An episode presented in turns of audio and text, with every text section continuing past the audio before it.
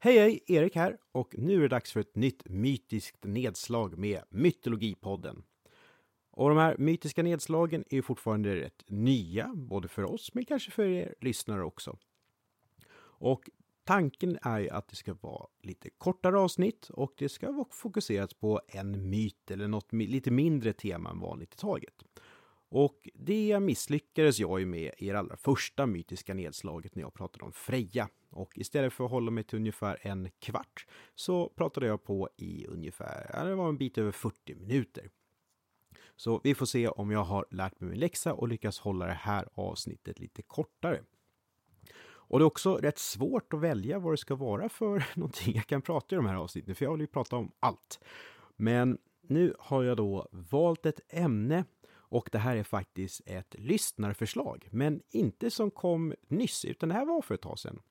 För i november 2021, då var det dags att förbereda ett nytt lyssnaravsnitt och ni lyssnare fick skicka in olika förslag. Och ett av förslagen, det kom från Magnus B och han skrev Asgårds murar. Och det här är ett jätteintressant ämne och jag har funderat på det sedan det kom in. Det är ju ett halvår sedan ungefär. Och det var lite svårt för mig att lite veta var jag skulle börja. Men nu har, nu har jag läst på här och jag har gjort TikToks om de här murarna. Och det var inte riktigt med flit. Jag skulle egentligen göra videos om någonting annat. Men så fick jag murarna på köpet. Jag kommer snart reda ut hur det här gick till överhuvudtaget. Det är jättekul att få ta in er lyssnare i avsnittet så här med, era, med de här förslagen. Och det är jättekul att ni skickar in saker och det är jättekul att ni hör av er på olika sätt. För någon vecka sedan träffade jag en av er lyssnare när jag var på en mässa med jobbet, så det är kul att ni finns typ överallt. Och det är jätteroligt att ni har så många olika idéer som kan hjälpa oss i Mytologipodden att få fram så mycket mer olika myter och berättelser. Men nu är det alltså dags för ett mytiskt nedslag om Asgårds murar. Mycket nöje!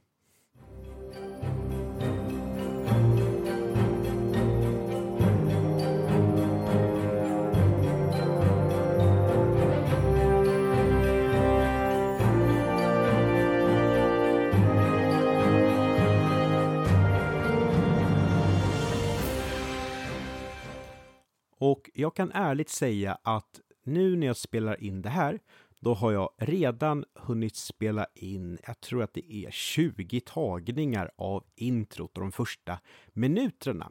Eller i alla fall det som jag trodde skulle vara de första minuterna. För när jag ska prata om Asgårds murar, då har, tänker jag att det kan vara lite bra att bara ringa in vad Asgård är för någonting. Och ganska snabbt så har jag spårat ur och jag får nog tänka att Asgård, det, det får nog bli ett eget avsnitt så småningom. Men det jag kan säga är att Asgård, det är där asarna bor. Och det finns typ i mitten av den mytologiska världsbilden. Och sen utanför Asgård, där finns Midgård och det är där människorna bor. Och utanför Midgård, där finns Utgård och det är där jättar och säkert andra kaosmakter, det är där de bor. Lite farligt och sådär.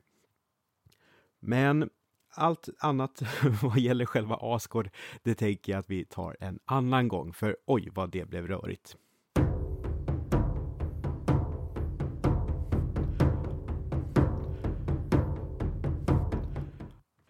Och det är ju mycket som är rörigt med mytologin, men för en gångs skull så har vi faktiskt en väldigt tydlig text om hur Asgårds murar kommer till. Och det kan vi läsa om i Snorres Edda eller den yngre Eddan eller den prosaiska Eddan. Kärt barn har många namn, även fast det tog ett tag innan jag började tycka om den här Eddan. För jag har länge tyckt att den äldre eller den poetiska Eddan har känts mer ursprunglig och därför mer korrekt. Men jag har börjat upptäcka charmen med Snorres Edda och just att det finns så mycket mer kunskap vi faktiskt kan få därifrån, just för att det är enda stället vi kan få vissa myter. Och den här historien kommer ifrån första boken i Snorres Edda, den som heter Gylfaginning. Och Gylfaginning, det är då om, ja, det betyder om hur Gylfe blev lurad. Och Gylfe, han var en svensk kung och han hörde att i närheten av där han styrde, där fanns Asgård. Och de här asarna, de var duktiga på magi. Och det här vill Gylfe lära sig mer om, han vill inspektera och se hur mäktiga de är. Så han klär ut sig, han gör sig förklädd och under namnet Ganglere så ger han sig iväg mot Asgård för att förhöra sig lite grann. Men asarna, de är så oerhört kloka och duktiga på magi så de vet ju redan att han kommer när han kommer dit. Så de förvränger hans blick och det han ser, de han möter, de verkar egentligen inte finnas. Men Gylfe kan ändå ställa frågor till tre stycken män och det är Hög, Jämnhög och Tredje. Väldigt fantasifulla namn och det här verkar vara Oden i någon typ av förklädnad. Så ni kan ju tänka att det är lite luriga, lite luriga grejer med i bilden här. Men Gylfe han ställer då frågor om massa olika saker och får till svar olika förklaringar. Och att Snorre skrev ner det här överhuvudtaget, det är ju för att han vill att en yngre generation ska få en mytologisk kunskap så att de kan skriva bra poesi.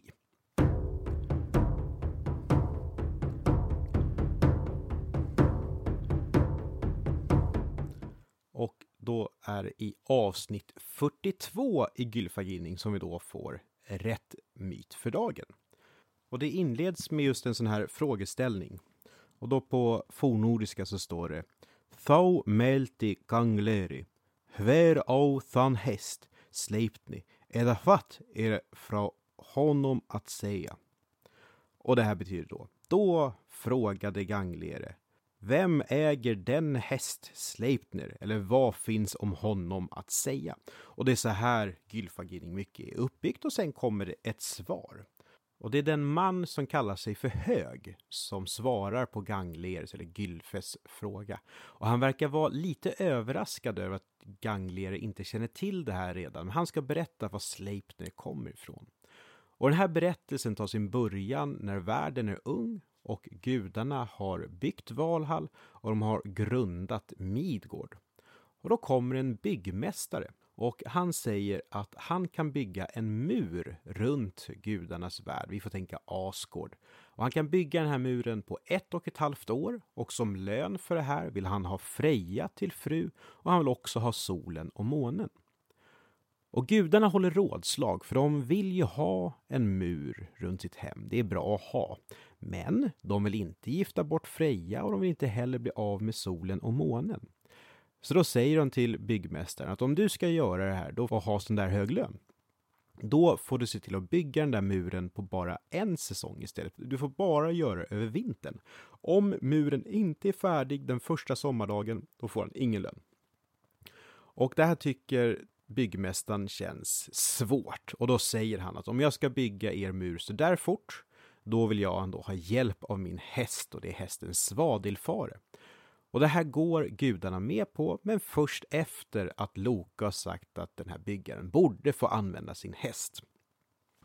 Och den första vinterdagen börjas det bygga. Och själva byggmästaren, han är stark och han lyfter stora klippblock och bygger väldigt fort. Det är imponerande. Men hästen Svadilfare kan bära dubbelt så tungt. Och asarna är säkert vana att se märkliga och mäktiga saker, men hästens styrka imponerar på dem. Och det här skapar nog en viss oro. Och det finns säkert en och annan tanke om varför kan de inte bara göra sig av med den här byggaren då, så att de slipper ens fundera på att behöva gifta bort Freja. Men byggarens säkerhet är stärkt av eder. Och det här är någonting som verkar vara genomgående i Asgård, att det finns eder som gör att de inte får skada gäster. Om någon är där som gäst så ska också personen känna sig trygg. Och det här är någonting som dyker upp i flera andra myter också. Jag kommer komma in på en av dem senare. Och det här känns också som att det klingar ganska bra med Havamal, där också gäster ska tas emot med stor vänlighet. Sen så är det också så att Tor, han är bortrest här, så gudarna har inte sin riktiga eh, sin, han som brukar ta itu med att döda personer. Men det är också så att de som besöker Asgård är nog lite rädda att Tor skulle kunna komma tillbaka, så det är därför de här ederna behövs. Och med bara tre dagar kvar på vintern så är det enda som är kvar av muren i själva porten. Och nu var det dags för ännu ett rådslag för gudarna, för nu ser det inte bra ut. Och de säger att vem är det som har orsakat att vi kan vara tvungna att gifta bort Freja till Jotunheim? Och det här kommer också förstöra luften och himlen. när då solen och månen försvinner och ges bort.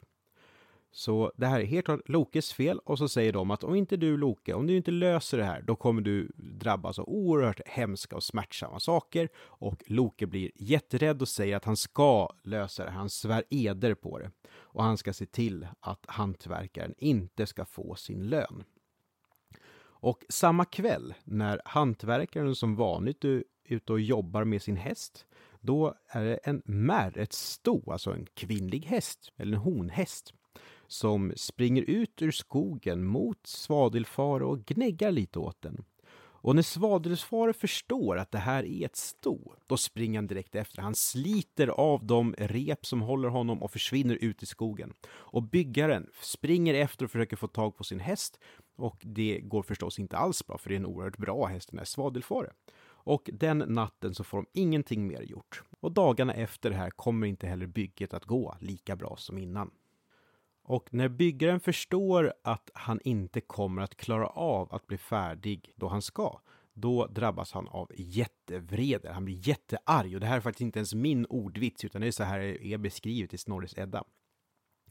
Och det är då gudarna förstår att det här är ju inte bara vilken byggmästare som helst, utan det här är en bergsresa eller en bergsjätte som har kommit dit. Och det är en bergsjätte som håller på att bygga den här muren. Och när de då förstår att det här ändå är ett hot, då åkallar de Tor som direkt kommer dit. Och då står det att Tor gav betalt för byggarbetet. Men inte med den lön som var avtalad, utan med sin hammare på allra första slaget då krossar Tor den här jättens skalle i små bitar och skickar ner honom i Nifelhel så att han aldrig någonsin igen kommer att leva i Jotunheim. Men sen förklaras det också att det var ju Loke som hade varit det här stoet som sprang iväg med Svadelfare. Och ett tag senare så föder alltså Loke ett föl. Och det här fölet, det var grått och hade åtta ben och det är den bästa hästen av alla hästar. Och det är då Sleipner och Sleipner blir sen Odens häst. Och här och där i Snorres Edda så citerar Snorre, eller texten citerar, andra skaldekväden. Det kan vara enskilda skalder som har gjort en och ett annat kväde. Eller så citeras dikter som finns i den äldre Eddan. Och det här avsnittet om Asgårds murar och Sleipner, det avslutas med ett citat just från Völvans spådom, eller Voluspo. Och nu tänkte jag läsa den delen ur Erik Brates översättning. Då drogo alla makter till sina domaresäten, högheliga gudar och höll rådslag, vem all luften med lyte blandat eller åt jättens ett ord smö givit, Blott Tor slog till i trotsigt mod. Han sällan sitter då slikt han hör. Eder brötos, ord och löften, alla viktiga avtal som växlats dem emellan. När vi har hört eller läst det här avsnittet om murarna och Sleipner, då kan vi absolut förstå att den här delen av Völusbo pratar om just det. Men tänk er en värld där vi inte hade Snorres Edda. Då skulle det här vara mycket svårare att förstå de här två verserna i Völvans spådom. Och det är väl en sån sak som gör att jag faktiskt värms upp mer och mer till Snorres Edda.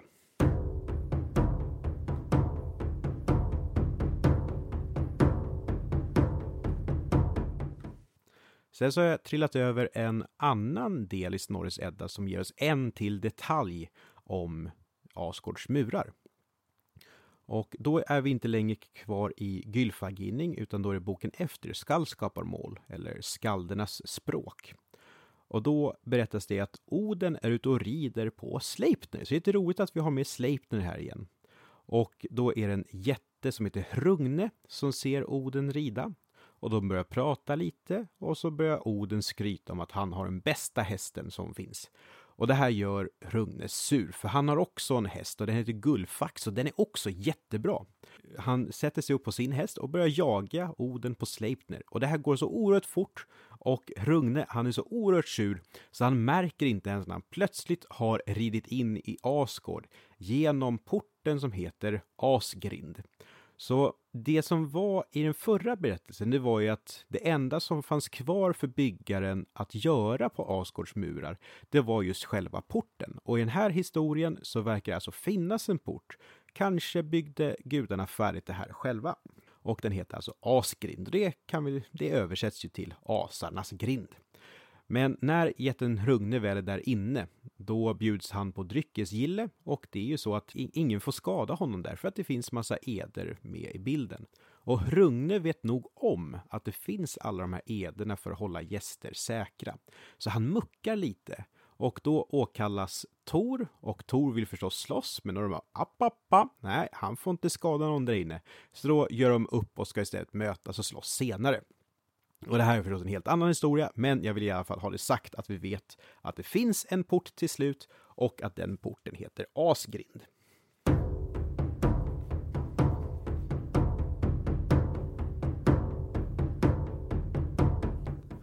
Andra saker som kan vara värda att ta upp, det är att en bro som leder till gudarnas värld, det är Bifrost. Och Bifrost är ju själva regnbågen.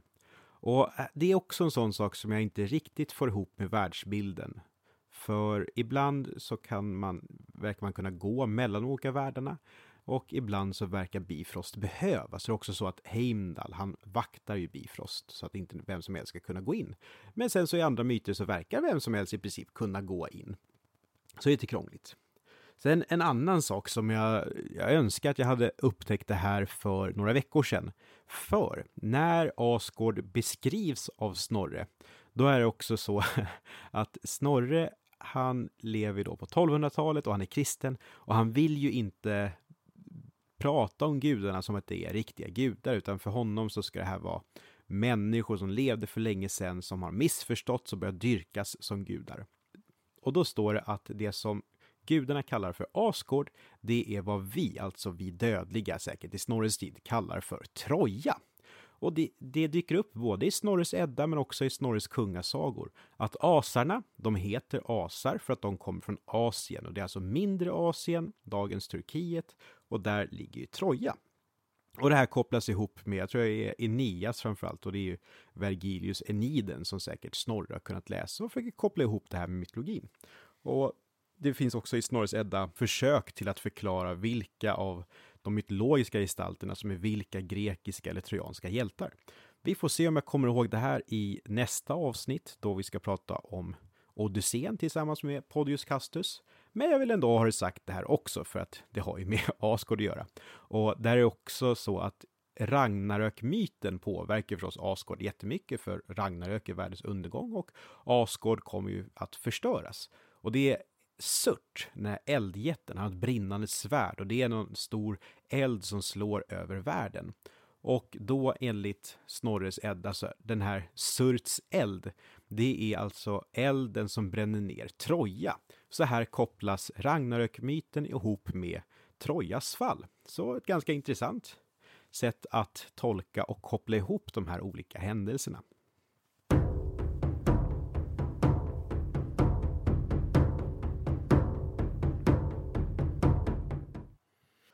Och då är det väl dags att börja knyta ihop det här. Och eh, så det ser ut nu på min fil här i datorn så klarar jag mig långt ifrån 40 minuter i alla fall. Så jag är nöjd. Fortfarande lite långt. Vi får se hur det är efter klippningen.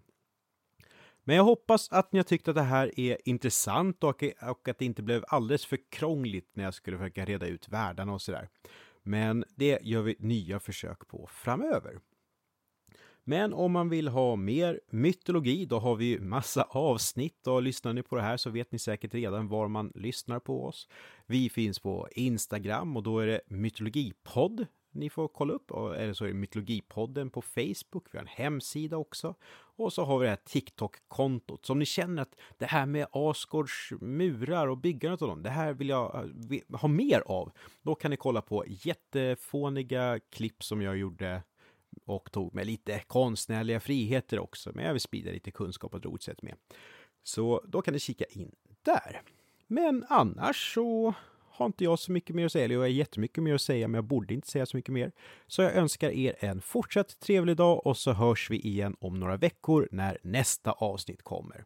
Ha det bra, hej då!